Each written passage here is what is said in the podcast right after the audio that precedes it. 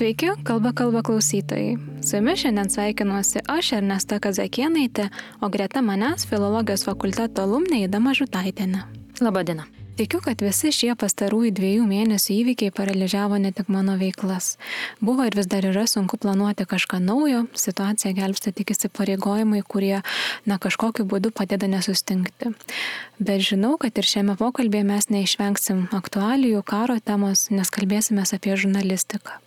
Jau seniai vienoje iš laidų norėjau pakalbėti apie filologų žurnalistikoje, nes tokių pažįstu ne vieną ir manau, kad tarp įstojančių į filologijos studentų kasmet yra bent keli, kurie stojo norėdami tapti žurnalistais.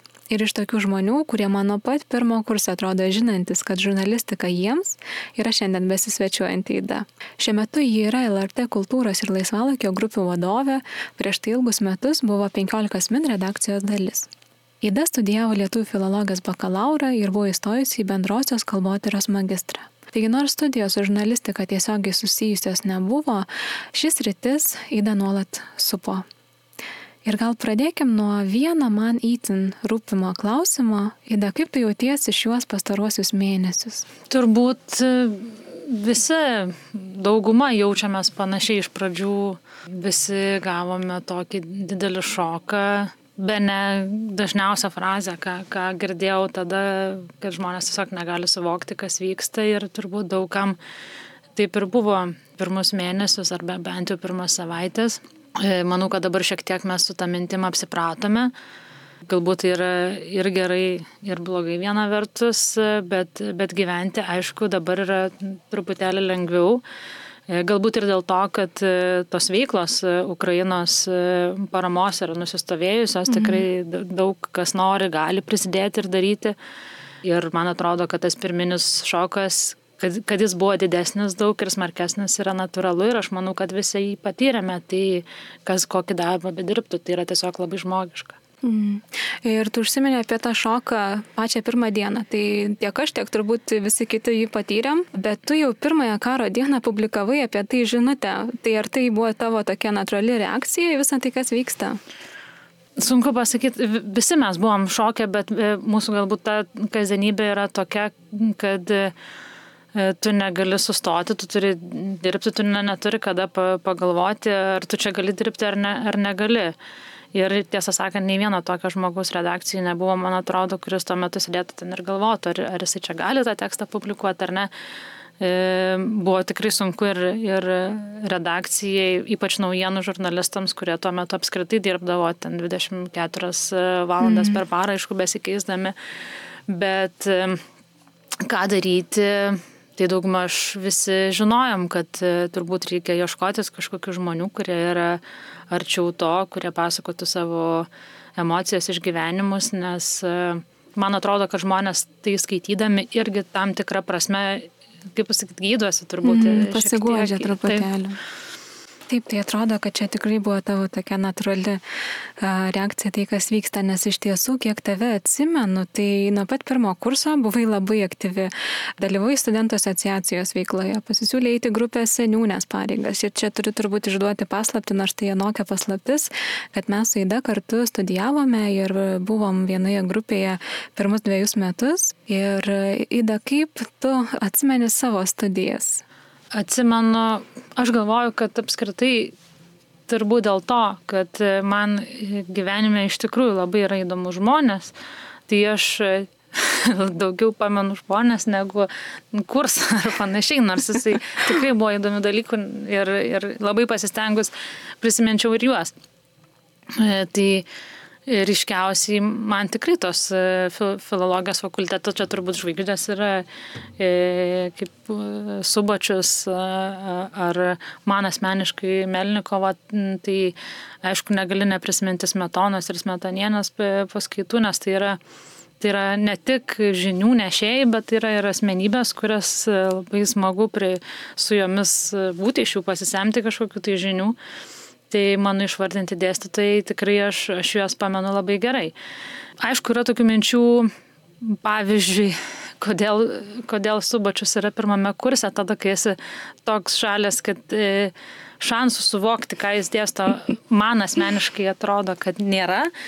Tai jis man gal liko to, toks noras jį pažinti ir dabar pagalvoju, kad mielai, mielai tą kursą paklausyčiau dabar kit, kit, kitomis ausimis.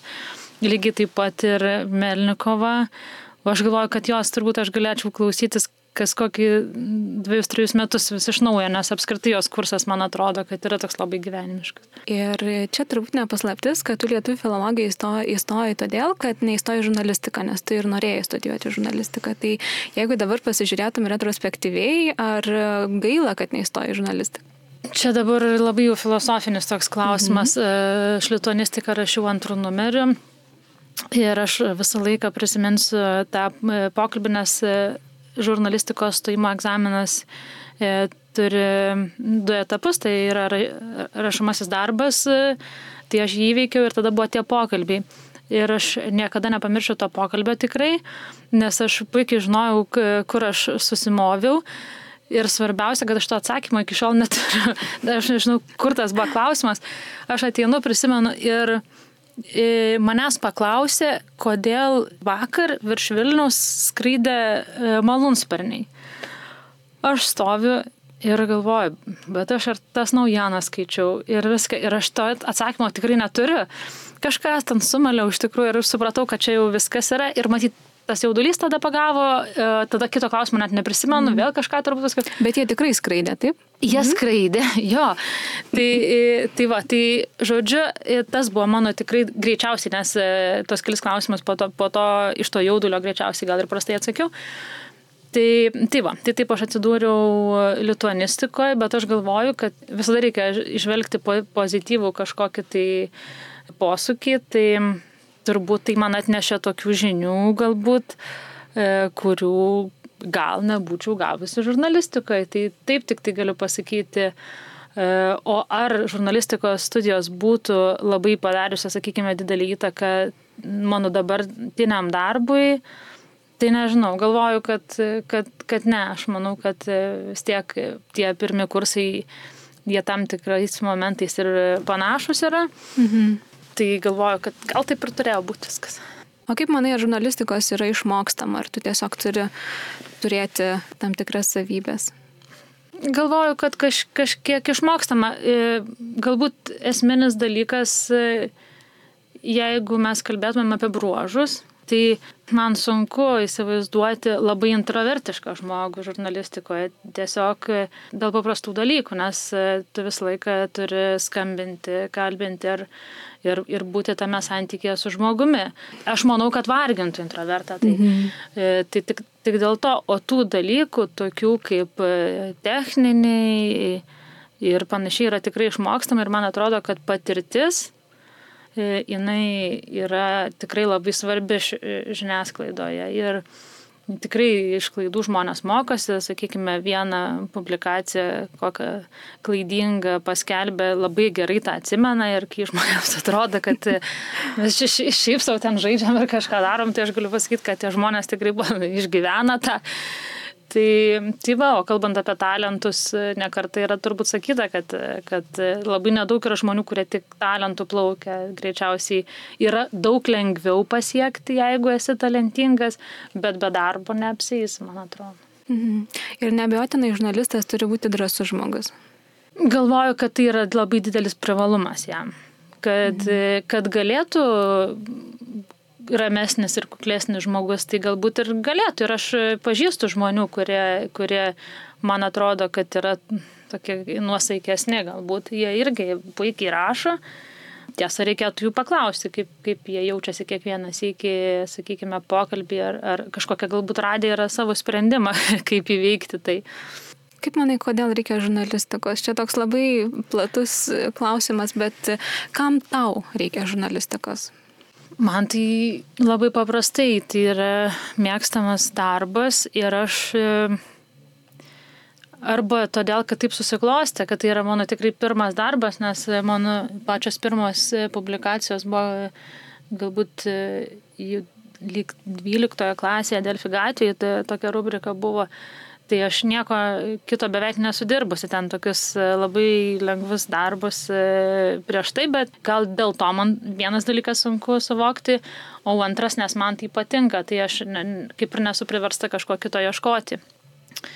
Apie ką man yra žurnalistika, man tai leidžia, nežinau, patirti tai, kas, kas man patinka. Man tikrai yra įdomus žmogus, man yra įdomus mm. jo gyvenimas, įdomios jo emocijos virsmai gyvenimo ir istorijos.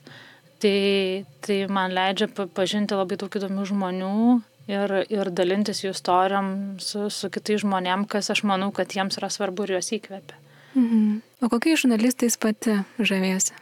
Pirmas dalykas, tai turbūt visada, jau kai mes kalbam apie žurnalistikos, nežinau, aukštumas, dažnai dabar kalbam apie tyriamąją žurnalistiką. Mhm Aišku, jinai labai yra svarbi ir jeigu mes kalbėtumėm apie vaidmenį visuomeniai, tai turbūt e, dažnas pasakytų, kad e, jeigu mes kalbėtumėm apie pokytį, e, apie svarbą, apie tiesą, tai čia būtų pirmieji dalykai.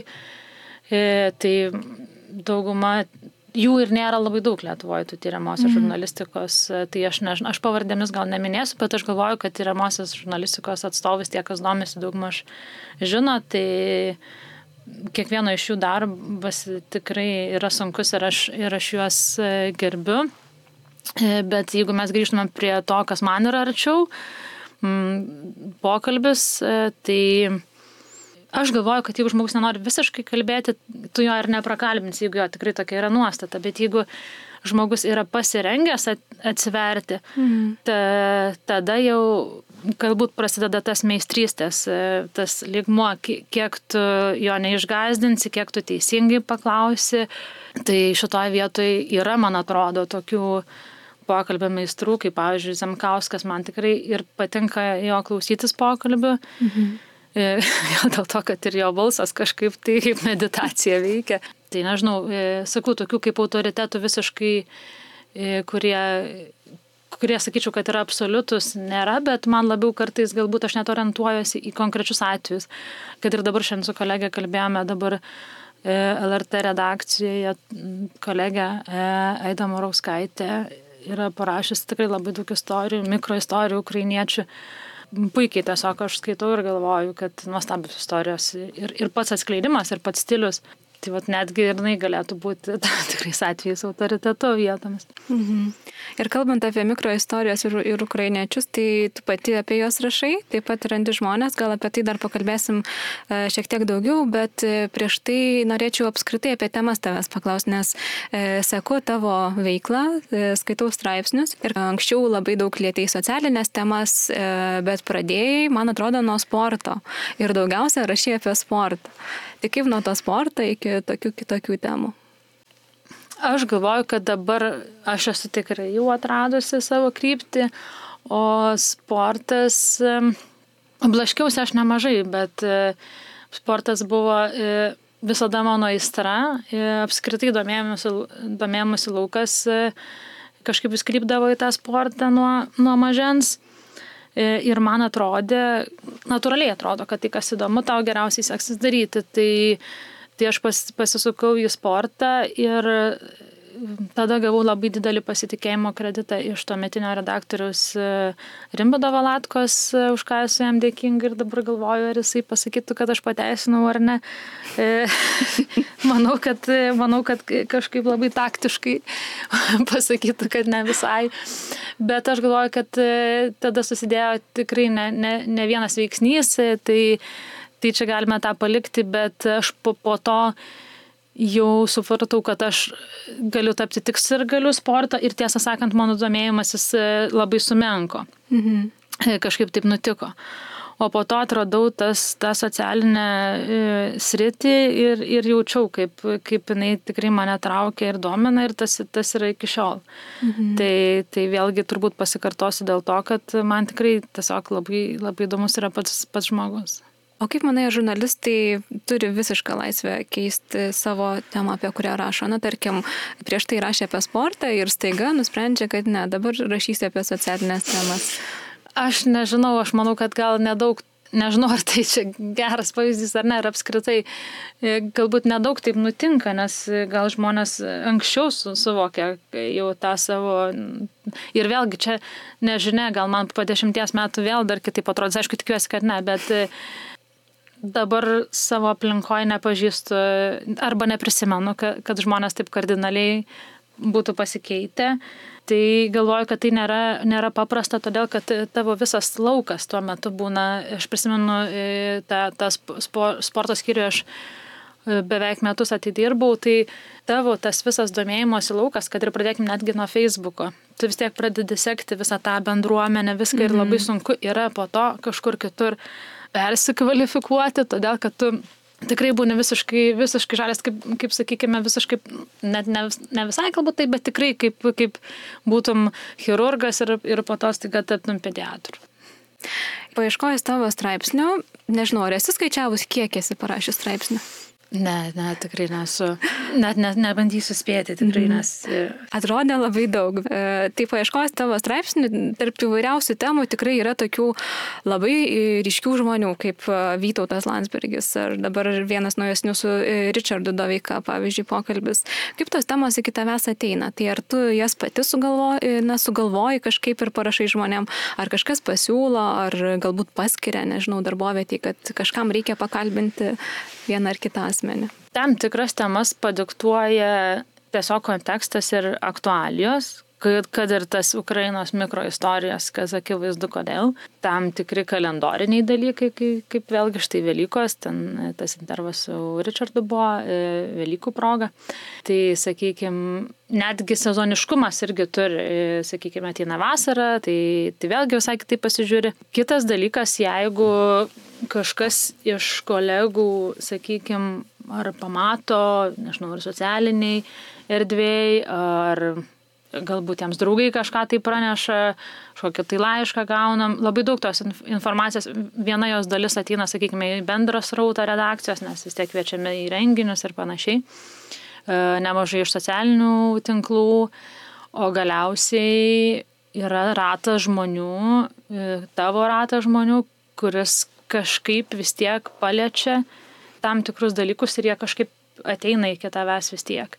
Tai čia viena, o man temos gimsta ir tiesiog šiaip gyvenime kažkaip aš, aš net kartais einu, kai mes dabar su tavim kalbėjom man atėjus, kad ir toj mažoji kavinėje atsigerus kavos, pasikalbėjom su to padavėja ir už to pokalbio jau susigalvojau galimas dvi temas. Tai tiesiog tų temų tikrai labai daug yra mūsų kasdienybėje tiesiog. Bet aišku, kažkas pasiūlo ir tam tikrais atvejais redaktorius pasiūlo, o jeigu mes kalbam apie skyrius, tuos, kurios, su kuriais dabar e, dirbu, kultūros veidų ir gyvenimo, ir patys žurnalistai tų temų atsineša nemažai. Antra vertus, mes turime susirinkimus, e, kurių metu e, tas temas generuojam, kalbam apie tai, ką galėtumėm padaryti įdomaus, kas galėtų tą skaitytoją patraukti. Ar turi tokių temų, apie kurias nenorėtum rašyti?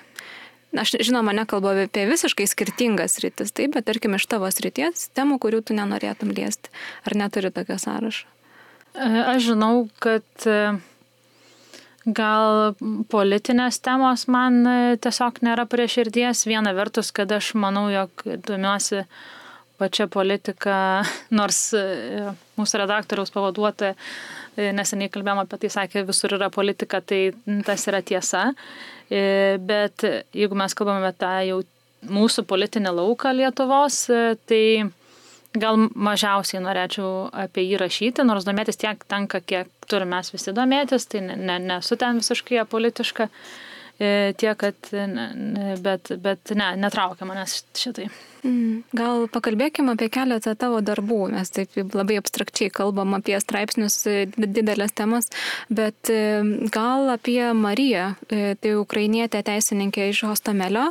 Man asmeniškai buvo labai įdomi istorija ir kažkaip laiku ir tokia jautri, nors tavo beveik visi darbai kurie liečia tą, tokias socialinės temas yra labai jautrus, nes pavyzdžiui, vienas naujausių, kur kalbinai Rapolą, tai aš negalėjau pabaigti skaityti, nes man buvo tiesiog per sunku. Nu, tiesiog labai sunkus turinys ir tarsi tu skaitai ir jauti, ir jeigu esi empatiškas, tai būna labai sunku. Bet grįžtant prie Marijos, kaip tu ją radai? Tai čia vėl iš, iš to iš to asmeninio lauko tiesiog Marijos šeima, ji ir, ir jos mama apsistojo gero bičiulio bičiulio namuose. E, ir tai, tai va mes tiesiog pasikalbėjom su bičiuliu, aš net neskelbiau per Facebooką, tiesiog tuo metu vyko labai daug bendravimo su daug žmonių, nes kaip ir visi buvo tam šokė ir kažkaip mm. dalinosi. Ir po to buvo labai didžiulė banga e, tų žmonių, kurie priemė ukrainiečius savo namus. Tai sulaukėm tų istorijų, tai tiesiog paklausiau, ar jis galėtų pasiteirauti, ar jos norėtų pasidalinti ir jos, ir, ir jos sutiko. Tai, tai dalis tų istorijų taip ir atina labai žmogiškais keliais iš tikrųjų. Mhm. O kaip dėl rapolo? Rapolas, tai karmos taškai už rapolą iš tikrųjų keliautų mūsų naujienų redaktoriai, kuri tiesiog e, pamatė jo istoriją Instagrame ir mhm. E, aš pamačiau ją ir aš nusprendžiau tiesiog tą pačią minutę turėjau, turėjau dabar va, to, laiko ir galvoju, reikia skambinti gal iš karto. Mhm. Tai ir viskas paskambinau, jisai šiek tiek pasimetė, tada sako, aš pagalvosiu perskambinsiu jums po dešimties minučių paskambinu ir sako, jo, dar turiu pusvalandį iki operacijos, galim pasišnekėti. Bet iš tikrųjų šitą istoriją, aš galvoju, aš, turbu, aš dar, mes dabar kalbėjome prieš dvi dienas su juo ir aš vis dar ir vakar su vyru kalbėjau apie tai. Dar aš savyje ją nešioju, pavyzdžiui, ir galvoju, mhm. ta, ta vidinė žmogaus stiprybė, man dar visą aš savo keliu tą klausimą, kur jinai yra. Tai, tai tos istorijos netgi man pačiai vietomis reikalingos yra. O kodėl tau svarbu pasakoti kitų žmonių istorijas? Aš galvoju, kad mes, mes visi esam kaip ir to bendro sociumo dalis.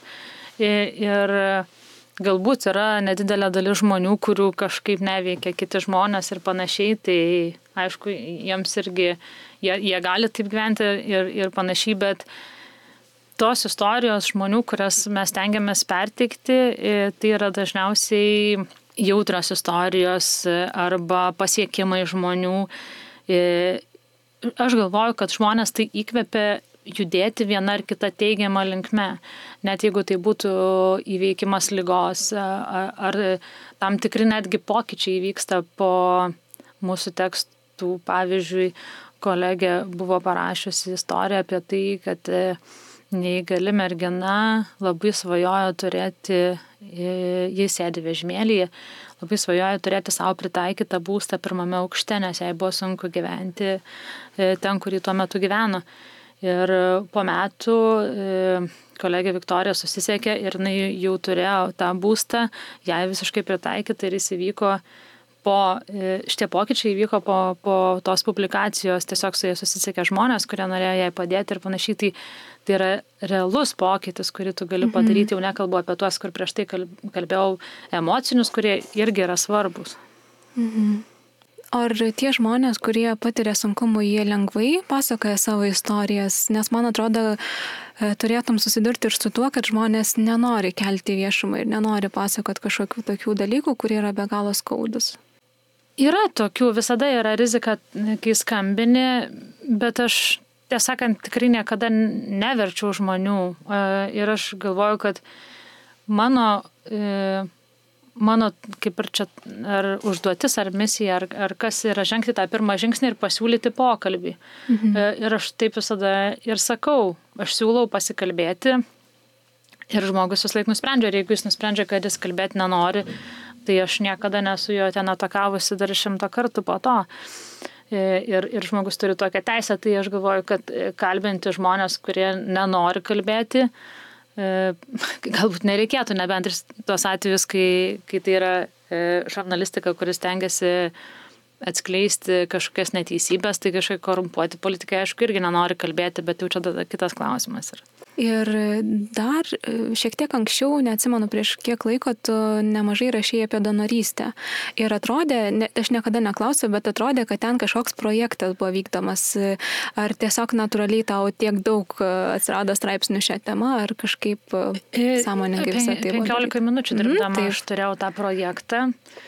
E, ir mes ten turėjom gal penkias ar šešias e, istorijas, kurios buvo teikiamos ir video formatu, ir straipsniais. E, tiesiog e, man šita tema yra įdomi. Joje tiesiog labai daug tų plotmių yra tikrai jinai yra ir apie žmogų bendrai, apie jo pasiryžimą, apie jo suvokimą gyvenimo ir, ir labai daug dalykų. Ir jos yra tuo pačiu be galo šviesios ir, ir tą turi tamsią mhm. pusę, nes visada, kai mes kalbam apie donorystę, mes kalbam apie šviesą, kurią atnešė tamsa. Tai tokie man dalykai kažkaip, nu tikrai žavi, kad žmogus būdamas visiškoje kančioje ir nevelty gali tokią šviesą atnešti.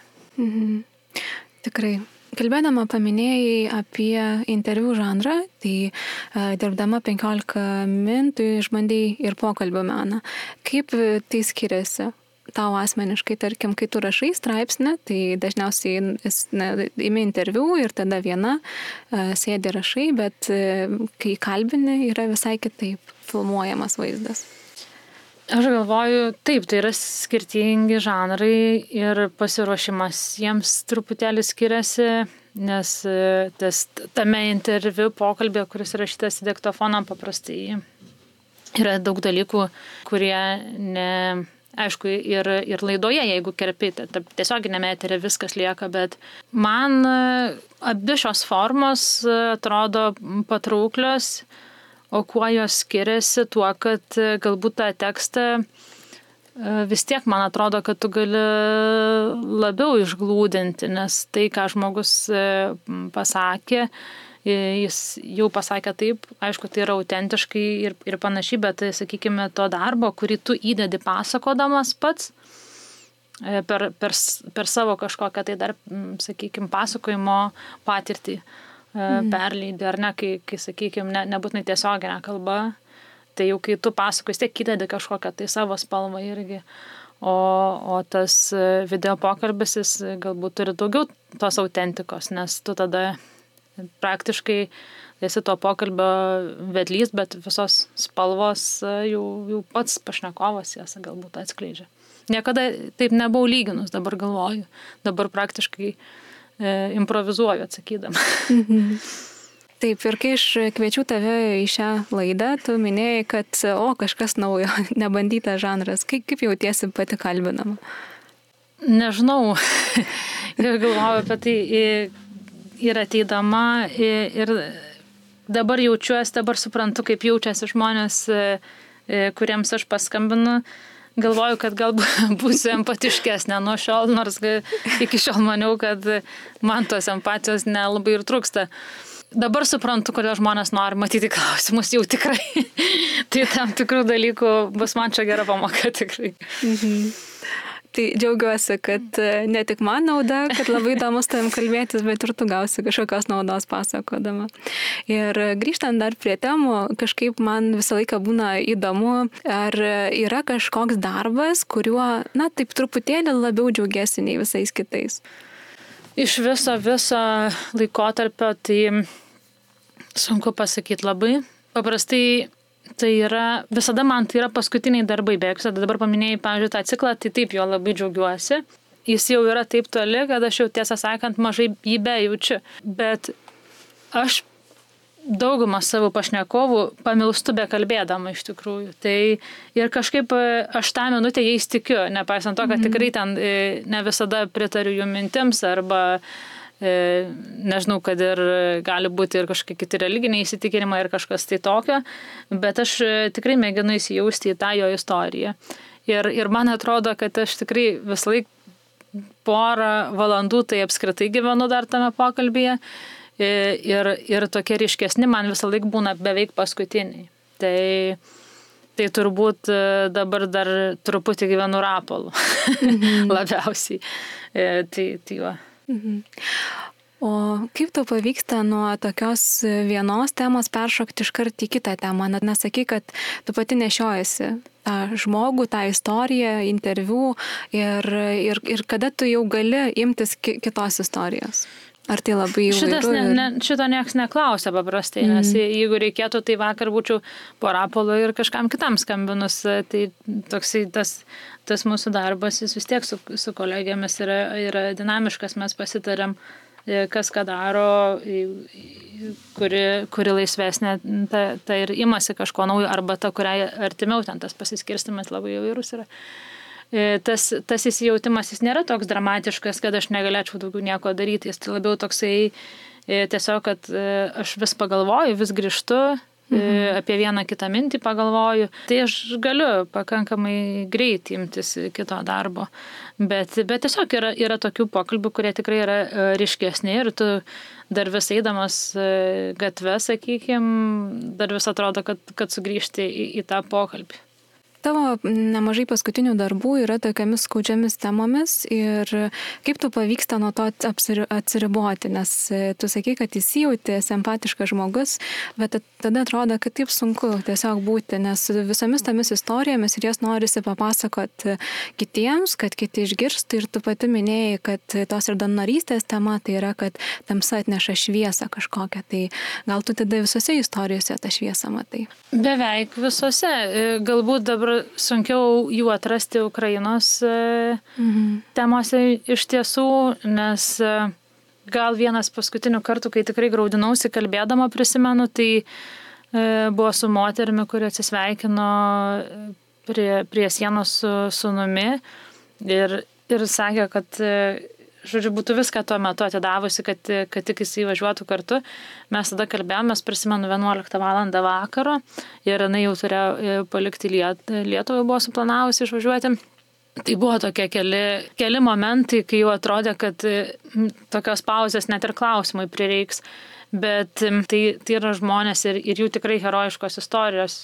Mhm. Ir, ir aš galvoju, kad žmonės kad žmonėms reikia tą skaityti ir tai rodo, jie, ar, visi, ar vieni nusiramina, e, man atrodo, kad nusiramina ir tas žmogus, kuris kalba, e, kaip ir pati ta, sakykime, istorijos e, herojė, jinai sakė, kad jai svarbu yra, kad mhm. jos tautos tragizmą visi išgirstų jie, jie patys suvokia, kaip svarbu yra tai kalbėti. Tai, mhm. tai, yra, tai yra informacija, kuri reikalinga perteikti ne tik e, iš tos empatinės pusės, bet sakykime vėl, kad žmonės žinotų tikrąją situaciją ar ne.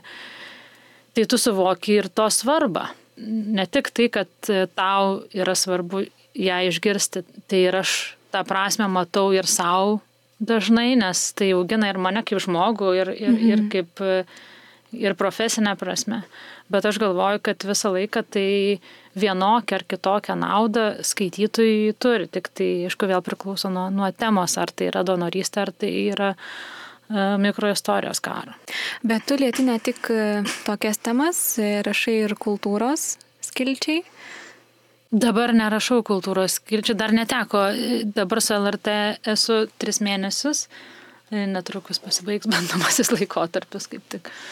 Tai dar, man atrodo, kad nei vieno teksto nepublikavau kultūros skiltyje, bet dirbusiu su ją. E, tai, tai šiuo metu kultūrai rašo mano kolegos e, labiausiai ir su šitas rytim gal aš iki darbo LRT turėjau tiesioginio sąlyčio, jeigu mes nekalbam apie knygų skaitimą ir įimą į teatrą kaip pramogą, arba tai turėjau mažiausiai sąlyčio. Tai dabar aš turiu kur aukti šitoje srityje labai, tai aš tikiuosi, kad e, netrukus e, galbūt ir ten kažką tai parašys. O kaip tau pokalbis su Parulskiu? Skaičiau ir toks labai įdomus, kad, jis, e, kad tu buvai pasištis svečiuose Ir e, jis netgi pasakė, kad kaip aš nekenčiu interviu. Taip, bet ir vis tiek tau davė interviu. Jo, kai kurių detalių jau tas buvo labai seniai, tai neprisimenu, bet tą faktą, kad mes kalbėjom iki interviu ne kartą, pamenu. Bet vienas ryškesnių vaizdinių išlikusių, aš einu pas jį svečius ir jis atidaro duris ir bėga didžiulis šuo. Ir jisai sako, nebijokit, jis nesigandžioja, atvirkščiai nei jo šeimininkas. tai šitą, ir aš atsimenu, kad tai buvo pirm, pirmosios frazės, kurias aš iš jo išgirdau. Ir tas yra wow pasitikimas iš žmogaus. tai, e, tai, tai šitą kažkaip labai ryškiai pamenu, bet iš tikrųjų tai pokalbis buvo jaukus, viskas, mm. jis nėra e, toks skandas, kaip atrodo. O ar pasitaiko, kad tavo pašnekovai kandžiajasi? Nežinau, pasitaikydavo galbūt su, su aktualijom, galbūt tai labiau yra. Dabar prisimenu, kad kartais nutinka, ne viską žurnalistas žino ir jisai, jeigu žinotų, e, čia galbūt irgi vėl ne mūsų atveju, bet labiau tam tikrų aktualinių temų, e, jisai dažniausiai ir skambina komentaro arba informacijos. Tai labai gal nemalonu būna, kai žmogus, kuris žino daugiau, jaučia pranašumą vien todėl. Ir, ir, ir tų to, tokių, e, pamenu, kad kelis kartus, tai jūs, tai jūs čia ar ten nepaskaitėt ar panašiai, bet e, to, to paprastai, jeigu užtektų to paskaitimo, tai gal mes ir ne, neskambintumėm. Tai galiu pasakyti, kad kartais žmogus, sakykime, intelektualus ir, ir nežinau, empatiškas ar kaip, jis, man atrodo, kad nie, niekada nesumenkins tavęs už, už tą tokį klausimą, bet yra tokių, kurie labai, labai nori, sakykime, tos, tos, tos kažkokios konfrontacijos jau pačiam pokalbį. Tai gal keli tokie ir buvę, bet aš nesureikšminu iš tikrųjų, nes aš galvoju, kad, e, kaip, kaip sako, čia toks jau banalus, kad kvailų klausimų nėra. Tai, tai stengiasi šitą taikyti tada ir apskritai, jeigu žmogus nenori kalbėti. Tai jo, mes galim jo nekalbinti, galbūt tyrėjams yra sudėtingiau, mhm. nes praktiškai neprakalbinus tokių žmonių, tai sudėtinga būtų kažką ir iškapstyti. Mhm. O gal galėtume pakalbėti apie žurnalisto darbo virtuvę? Kaip atrodo tavo darbo diena? Pavyzdžiui, šiandien tos darbo dienos mm, šiek tiek skiriasi, todėl kad, todėl kad vis tiek mūsų darbo truputėlį, net, net truputėlį net diktuoja ir e, kontekstas, aktualijos vykstančios ir panašiai. O antra vertus, mes esam dar pasiskirstę darbus e, tam tikromis dienomis e, vienos merginos rautina, tam tikromis dienomis aš, tai čia, sakykime, tiesiog sėdėjimas prie bendros rauto ir e, aktualijų naujienų susižiūrėjimas. Šiaip mano darbo diena, mano apskritai diena visą laiką prasideda nuo LRT įsijungimo mobilioji programėlį. Tai, tai pasižiūri ir, ir pasižiūri, ką, ką parašė ir užsienio spauda, e, ar, ar nieko kažkokio labai, labai sensacingo neįvyko per, per naktį, kas turbūt jau sužinotum iki to, bet vis tiek. Ir, ir tada e, priklausomai nuo to, ar, ar tai yra mano srauto diena ar ne, tai sėdu prie srauto, e, susižiūriu einamasias naujienas. E, dažniausiai turime susirinkimą su, su kolegomis rytinį, kurio metu apsitarėme darbus pasiplanuojame ir, ir, ir savaitę, ir tai, kas ką išgirdo, kokias temas galėtumėm paliesti, kurių galbūt ir nenorim, nematom reikalo liesti. Ir tada jau viskas eigoje, jeigu, e, jeigu turi autorinių tekstų, tai juos tiesiog kalbini, važiuoji interviu, šifruoji. Tuo pačiu, aišku, yra ir tokių paprastų einamų darbų, kaip e, planuojame tam tikrus ciklus ir įvykius, e, būna ir apdovanojimų, ir renginių, kurias taip pat turim susiplanuoti jų tą e, viešinimą, kad ir dabar netrukus Eurovizija, tai tai vėl jau turime ruoštis iš anksčiau tam. Visą laiką turi būti ir, ir, ir keliais žingsniais jau priekyje, kad ir mamos diena, tėčio diena, viskas turi kažkaip vis tiek suktis apie, apie tą žmogaus gyvenimą. O ar, e, tarkim, jūs turite įsipareigojimų pateikti tam tikrą skaičių publikacijų, nežinau, per savaitę, per mėnesį?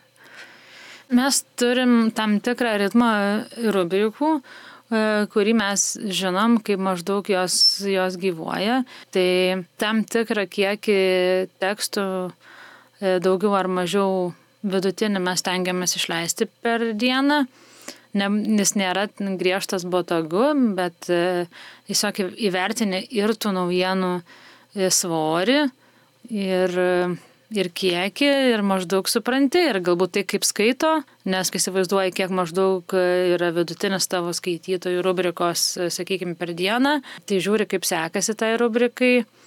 Taip daug tų labai veiksnių yra, kaip tą rubriką paliek. Bet kiekvienas tekstas, jeigu mes apie autorinį kalbam, tai nėra taip, kad per dvi valandas žurnalistas turi parengti autorinį tekstą ir būtinai atiduoti viskas E, taip kaip, kaip turbūt ir kokiai virtuvė, aš taip įsivaizduoju, e, restorano kokio e, viskas vyksta tuo metu.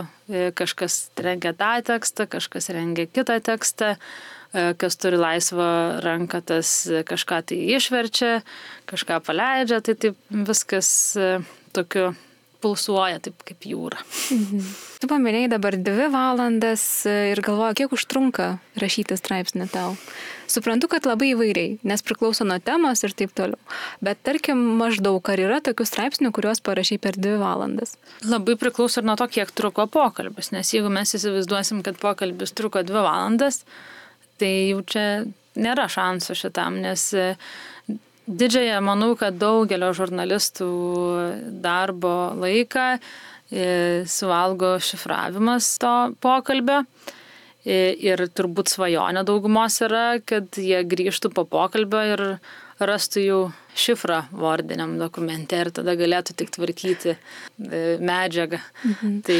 Bet tai reiškia, kad jūs tik tai žodžiu kalbinat, jūs nekalbinat raštų žmonių?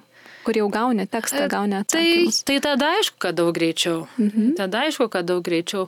Mm, tai, bet, bet tokių būna. Tada, ne? tada jau gal ir mhm. per dvi valandas gali susisukti priklausomai nuo, e, nuo atsakymų, nuo teksto ilgio, nes jeigu tenka kokie penki lapai, tai tiek neleisi, nes tiek portale nedaug šansų, kad suskaitys tekstą, tai vis tiek jį reikės išsiredaguoti. Bet e, kai gauni atsakymus, tai tikrai jau gali sutilpti dvi valandas galvoje. Čia paminėjai tokį įdomų žodį suskaitys, e, nes kažkaip tikrai jums reikia galvoti ne tik apie turinį, bet e, yra ganėtinai griežta forma. Ir dabar, kai mes viską skaitom ekrane, tai turbūt yra netgi, nežinau, reikalavimai ir gal net nereikalavimai, rekomendacijos, kiek turėtų užimti jūsų rengiami interviu arba tekstai. Tokio griežto nėra tikrai, mhm. kad e, jisai toksai protus vokiamas yra iš tikrųjų.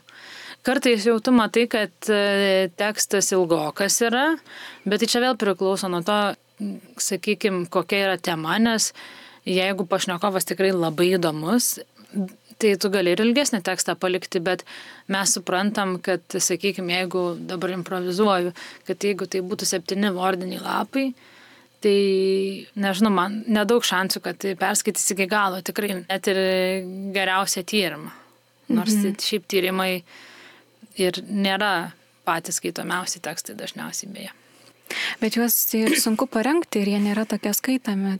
Čia jau yra vertybiniai, man atrodo, mhm. dalykai. Tie žmonės, kuriems visada bus, kaip čia tas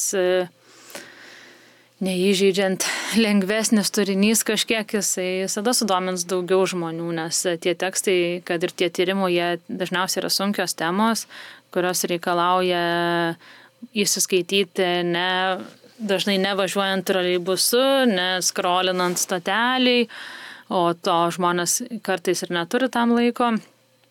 E, tai yra tekstų ir jų yra, man atrodo, kad nemaža dalis, kuriuos tu suvoki, kad tu darai, nes reikia, nes jie yra visuom, visuomeniai svarbus, nes tai yra žurnalistikos pareiga, tiesos paieškos e, dalis, tai, tai tada man atrodo, kad klausimų dėl jo verties nekyla, net jeigu skaitomumas e, galbūt e, tikrai nesiekia ar mirčių, ar vestuvių.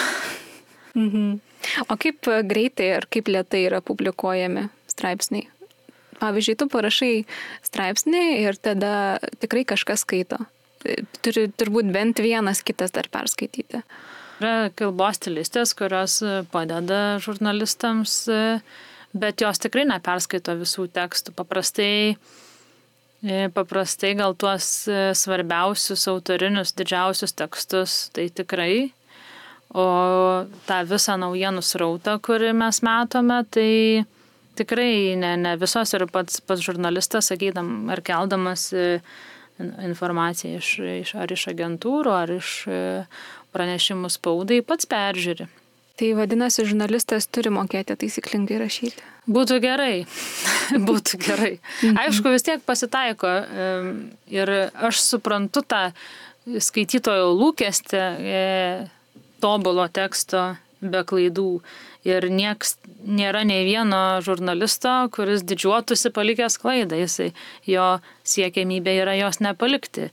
Bet e, taip nutinka. Ir, ir tiesą sakant, aš netgi galvoju, galiu klysti, e, bet e, net ir filologai aukščiausios klasės galvoju, kad jeigu gautų parašyti, sakykime, trijų lapų tekstą savo, ir jį perskaityti vieną kartą, aš galvoju, kad jie paliktų ne vieną klaidą.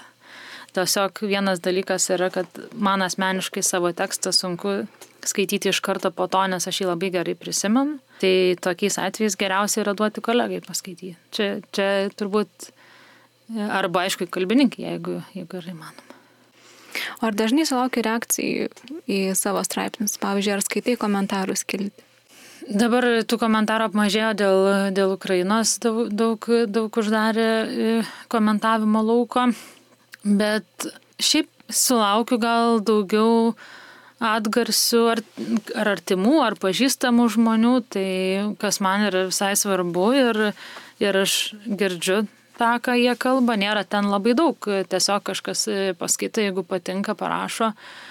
O tų komentarų po tekstais, tai ne, net nepamenu, kada skaičiau iš tikrųjų. O kaip žurnalistai žino, kad straipsnis pavyko? Kad tarkim tas tikslas, kurį tu kėliai, rašydamas straipsnį, kad jis kažkaip įgyvendintas, pasiektas. Daug veiksnių, man atrodo, čia e, irgi vienas dalykas, aš galvoju, kad jeigu man yra toks keistas jausmas po pokalbio ir jeigu aš jį jaučiu, aš beveik žinau, kad jau man jis pavyko. Mhm. Toks aš net, net nemoku jo paaiškinti.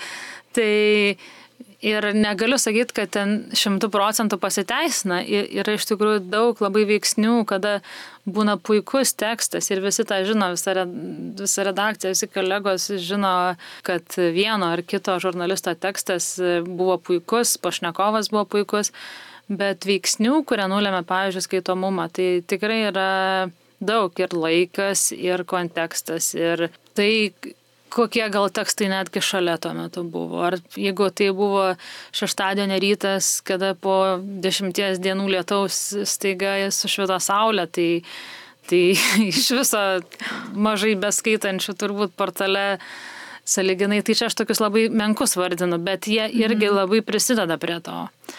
Ir labai svarbu, aišku, yra ir diena, ir laikas paleistas, bet e, ver, vertingą tekstą, nežinau, mes man atrodo, kad gal tam ir kažkaip tai esam kažkaip galvoti. Nesakau, kad aš labai galvota, ne dėl to, bet vėlgi dar antraštė labai svarbu, kas be ko pamiršau. Tai, tai o, sakau. o kaip kuriat antraštės, gal gali papasakot? Nes mitų tai girdėjau daug. Manau, visi, visi girdėjo mitų. Ne, aš Kaip tai jūs kūrėte gal tu pradžiai pradėk nuo mitų, aš tada pasakysiu, ar, ar čia mitas, ar čia tiesa. Na, girdėjau tokį mitą, kad e, negalima daugiau nei, neatsimenu kiek, septynių žodžių turbūt, ar dar mažiau, ne, ne, penki žodžių. Tokio, pas mus tai yra daugiau tikrai. Ne, į, į, dėl ilgio tai taip, dėl to, kad e, man atrodo, vis tiek antraštės tikslas yra greičiau tą žmogų pagauti, galima pavadinti pagauti, bet iš tikrųjų tai pagauti, kad jisai greičiau suvoktų, ką tu jam nori pasiūlyti tiesiog. Mhm. Tai tikrai galiu pasakyti, e, kad nesilaikome tos politikos, kur paaiškėjo ir nieko nepasakyti antraštiai. Mhm. Tai, tai tikrai yra. Tai netrūksta. Tai, tik, tai tikrai, jeigu jeigu tokios atsiranda, tai e, kviečiu, kviečiu parašyti mums. Bet šiaip mažai jų tikrai, net jeigu kartais gal ir iš, gal ten kažkoks kitoks kontekstas tiesiog. Man atrodo, kad antraštės tiesiog tikslas yra pokalbio kažkokį įdomiausią akcentą pertikti pertikti antraštėje. Kartais gali tikrai nutikti, kai atrodo, kad e, pokalbis visai ne apie tai ar panašiai, bet reikia suprasti, kad antraštė yra kvietimas skaityti. Mes mes kitaip negalim pasiūlyti. Tai, žodžiu, aišku, stengiasi, ne, kaip pasakyti, nesupykdyti to skaitytojo ir nėra tokio tikslo. Bet e, man atrodo, kad tikslas yra pakviesti, paskaityti tekstą, kaip ir čia jau labai aišku, marketinginai parduoti, tai mes nepardavinėjom tų tekstų, bet irgi gali toks apibūdinimas būti, nes jeigu antraštė bus, sakykime, tiesiog nauja pavasario moda, tai nu, mes visi suprantam, kad mes nieks nespausim tokio teksto, tai tiesiog kartais siūlau pamėginti savo atsakyti kai, kai sakom, kad e, per daug sudėta, per daug ištraukta ar ten kažkas tokio, ar, ar mes būtumėm paspaudę tą tekstą ir kita vertus paskaityti jį ir jeigu jis buvo vertas, tai tada suprasti, kodėl gal. O ar lengva suprasti, ką paspaustum, nes e, kai esi labai ilgai vienoje srityje, tai truputėlį uh, matai viską kitaip, nei kad žmogus, kuris nėra toje srityje. Ir tarkim, uh, tikiu, kad žurnalistui gali atrodyti, kad, na, čia tai jau tikrai pavadinimas geras, o kiti žiūri ir sako, kažkaip netraukia? Būna netgi tokių atvejų, kai septyni žurnalistai sako, kad labai geras ir nesuskaito. Tai yra visada dar be visų šitų išvardintų veiksnių, kurių turbūt dar ir kelis ne vieną pamiršom, visada yra kažkoks mistinis X veiksnys. E, apie jį netgi kartais pajokavim su kolegom. Tiesiog kartais atsakymo nėra, atrodo, ir, ir nuotrauka buvo gera, ir pavadinimas jau išieškotas, bet bet neskaitė. Tai, tai tikrai tokių nutinka. Tai man atrodo, kad čia netgi savotiškas darbo žavesys, kad e, visada yra tas kažkoks dar vis ne, nepasiektas ir netrastas atsakymas. Mhm. O ar jūs žinote apie tuos e, skaitančiuosius? Tai yra, ar kiekvienas žurnalistas žino, kiek jo straipsnį perskaitė taip, žmonių? Taip, taip. taip. Žino netgi, kiek šiuo metu skaitė, kiek skaitė tą dieną, kiek kitą. Tai tikrai mhm. ta statistika pakankamai išsame. Mhm. O kaip manai, tai labiau motivuoja ar demotivuoja? mane tai mane motivuoja. Čia reikėtų klausti jau, jau kitų, nes tiesiog jeigu tu galbūt niekada nesi parašęs skaitomą tekstą, tai tada galbūt ir ne. Bet jeigu, sakykime, išleidai tą, kur įdėjai daug pastangų, kas tikrai, sakau, nutinka ir jo nesuskaitė, e, aišku, yra liūdnoka, nes e, tu skiri tam laiko ir kartais net atrodo pajūtėjai, mhm. bet e, tai skatina vėl ieškoti, vėl galvoti, kas, kas galėtų būti tiem žmonėms dar įdomu, kas galėtų jiems tapti įkvėpimu, pavyzdžiu, ko, ko, kokių dar istorijų galbūt nesam atskleidę. Ir iš tikrųjų norisi būti to, to skaitytojo uh, arti ir kažkaip atliepti jo tą poreikį. E, sakykime, kad, kad ir pavyzdžiui yra tokių tendencijų kaip e, emocinė sveikata ar ne, žmonės tikrai dabar labai tuo domisi arba pavasarį visada domisi dietomis. Tai yra tokių dalykų, bet tie paprasti dalykai tuo pačiu vėlgi tu visą laiką ieškai kažkokio tai ar kito kampo, ar ne, ar įdomesnio pašnekovo ir, ir, ir vis tiek tai yra įdomioji, man atrodo, šito darbo dalis. Mhm. O koks jausmas kalbinti žurnalistą? Neseniai pasirodė tavo interviu su e, Troitskiu, kai tu žinai, kad yra patyręs žurnalistas ir esi skaičius jo darbų ir visa kita. Koks jausmas? Aš, aš tuo metu negalvojau apie tai. E, aš aš asmeniškai savo jį kalbinau kaip labiau visuomenininką tokį, tiesą sakant, nes man buvo įdomesnė ne žurnalistinė pusė tiesiog, o jo, sakykime, tas gyvenimo vingis sąsais su Rusija ir požiūris į Rusijos žmonės ir, ir kultūros žmonės.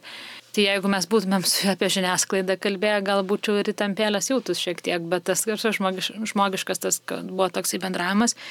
Ir dar daug galvojau tuo metu ir apie tą, tą kalbą, nes vis tiek tai rusų kalba nėra mano gimtoji kalba.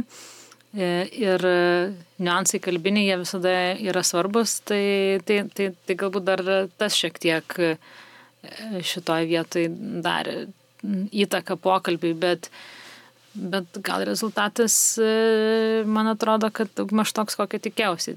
Tik tiesa, nežinau, ką jis galvoja, nepaklausiu. O ar būna daug tokių situacijų, kai po interviu, po pokalbio, kai jis jau yra publikuojamas, su tavim susisiekia žmogus, iš kurio tu ėmė interviu ir kažką pasako? Būna, būna, būna visokių. Apskritai kalba yra toks dalykas, e, kuris gali leisti tam tikrų įsivelti nesusipratimų. Ypač tais atvejais, kai galbūt ne, necituoja žmogo, kai sakiau, kad galbūt perpasakai e, tam tikrą dalį pokalbio. Tai visada kviečiu jos paskaityti ir pasakyti, jeigu kažkur tikrai netaip supratau, ar, e, ar tai yra labai svarbu, sakykime, minėti arba neminėti. Tai nelabai dažnai, bet, bet būna.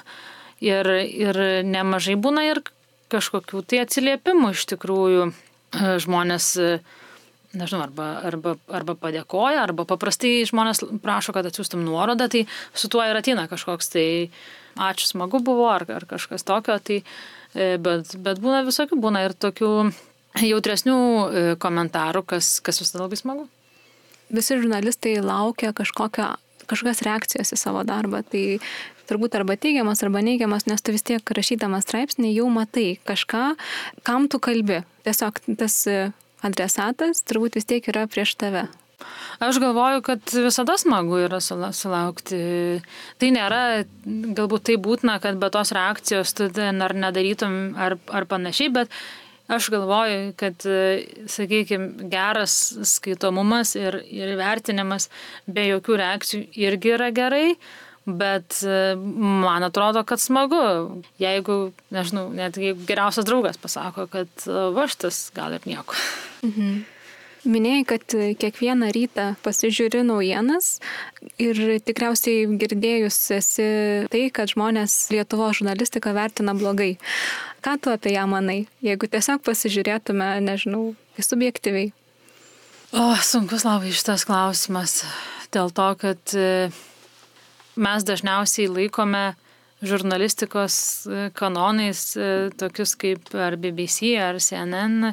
Aš jų virtuvės nemačiau, man neteko, todėl lyginti turbūt aš negaliu, bet e, aš galvoju, kad tiesiog darau tokią prielaidą, kad, sakykime, ar regione tarp kaimynų, pavyzdžiui, kontekste, kur, kur, kuriame mes augame, kuriame mes esame, Aš manau, kad, kad aš noriu tikėti, kad Lietuvo žurnalistika nėra tokia prasta, kaip žmonės ją mato ir jie vienaip žiūri aišku į tai, kad e, portaluose yra e, reklamos, jeigu mes apie komercinius portalus, tai dažnai jų pasitikėjimą tais galbūt portalais ir sumenkina. Tiems portalams man atrodo, kad E, tą savo patikimumą įrodinėti galbūt reikia daug, daug smarkiau. Aišku, atsitinka tų paslydimų, kuriuos po to taisyti ir savo reputaciją atstatyti yra tikrai labai labai sunku. Bet e, aš pažinodama e, žurnalistus iš, iš vidaus ir, ir pažinodama, kaip, kaip žmonės, tiek, kiek aš pažįstu, ir aš galiu aišku ir klysti. Tai man atrodo, kad, kad dauguma tų žmonių savo darbą tikrai žiūri atsakingai ir, ir, ir, ir kelia savo tikrai aukštus reikalavimus, bent, bent tie kolegos mano, kiek aš matau, ne, ne visada viskas yra taip tobula, kaip norėtųsi mums patiems. Daug labai yra tų veiksnių, kur galbūt žmogus net nesuvokia.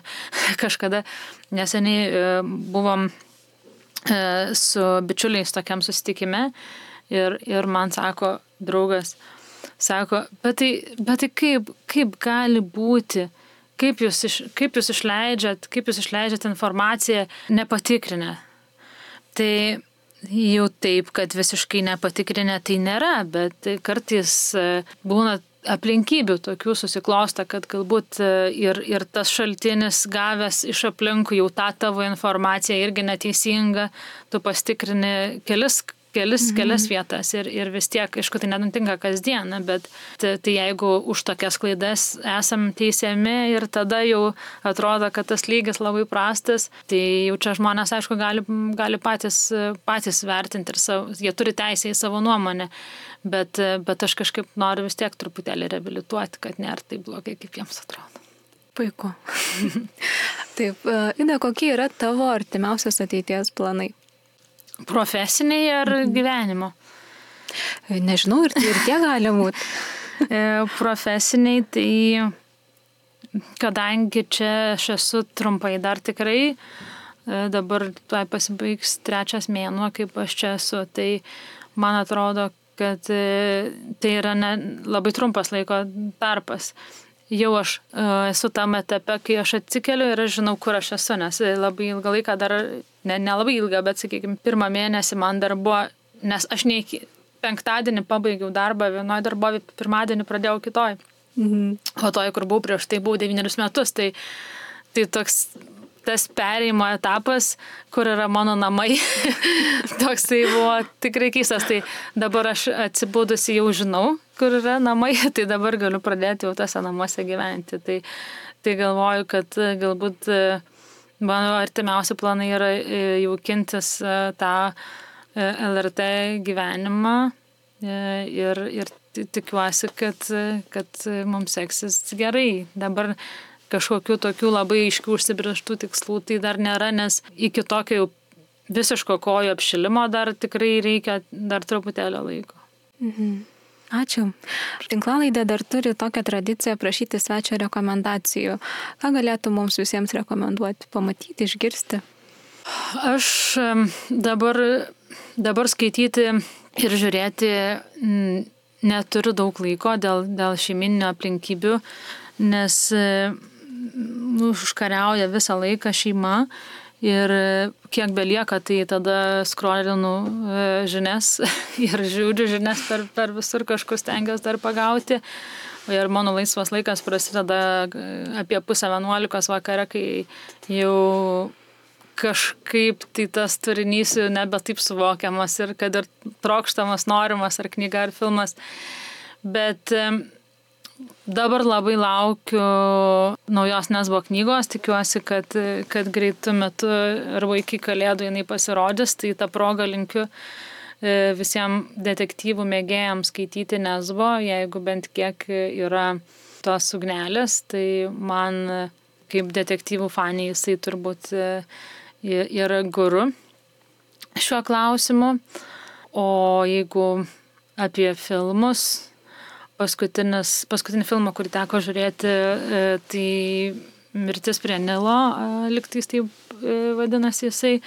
Tai man apskritai labai patinka tokio, tokio tipo detektyvai. Tai jeigu, jeigu į tą pusę yra mėgėjų, tai, tai tikrai siūlyčiau. O jeigu apie įkvėpimą, neseniai artimo žmogus parodė tokius, tokią video serija po 10 minučių, gal jie trunka, jie vadinasi Green Renaissance. Ir ten, e, aš taip paprastai pasakyčiau, e, apie žmonės, tokius nurauftus žmonės, kurie atrado savo gyvenimo prasme kažkokiuose labai paprastuose dalykuose. Pavyzdžiui, gyvenime prie jūros ar sodo puoselėjime ar kačių auginime. Ten yra labai labai patys gražus video filmavimo prasme. Tokie tylus, ramus pokalbiai su daug, daug prasmės. Tai jeigu tokiai kažkokiai vidiniai meditacijai pasiūlyčiau tiesiog pasižiūrėti ir man asmeniškai tai tiesiai va, tai į širdį toks atsigavimas. Ir dar pačiai, pačiai pabaigai, o ką rekomenduotum filologams, kurie nori rašyti ir būti žurnalistai? Rašyti. Aš manau, kad dabar daug yra galimybių e, mėginti save. Man atrodo, kad redakcijos tikrai yra pakankamai atviros pasimėginimams. Aišku, tam reikia dėti pastangų, e, bet e, manau, kad jeigu ateitų žmogus, kuris yra nu, nusteikęs mokytis ir daryti kokybišką turinį, pasiūlytų redakcijai pasimėginti. Labai aišku priklauso nuo žmogus turbūt, su kuriuo jis susidurtų. E, bet man atrodo, kad redakcijos daugiau ar mažiau yra atviras pamėginti. Tai, tai tiesiog galbūt šitaip. Mhm.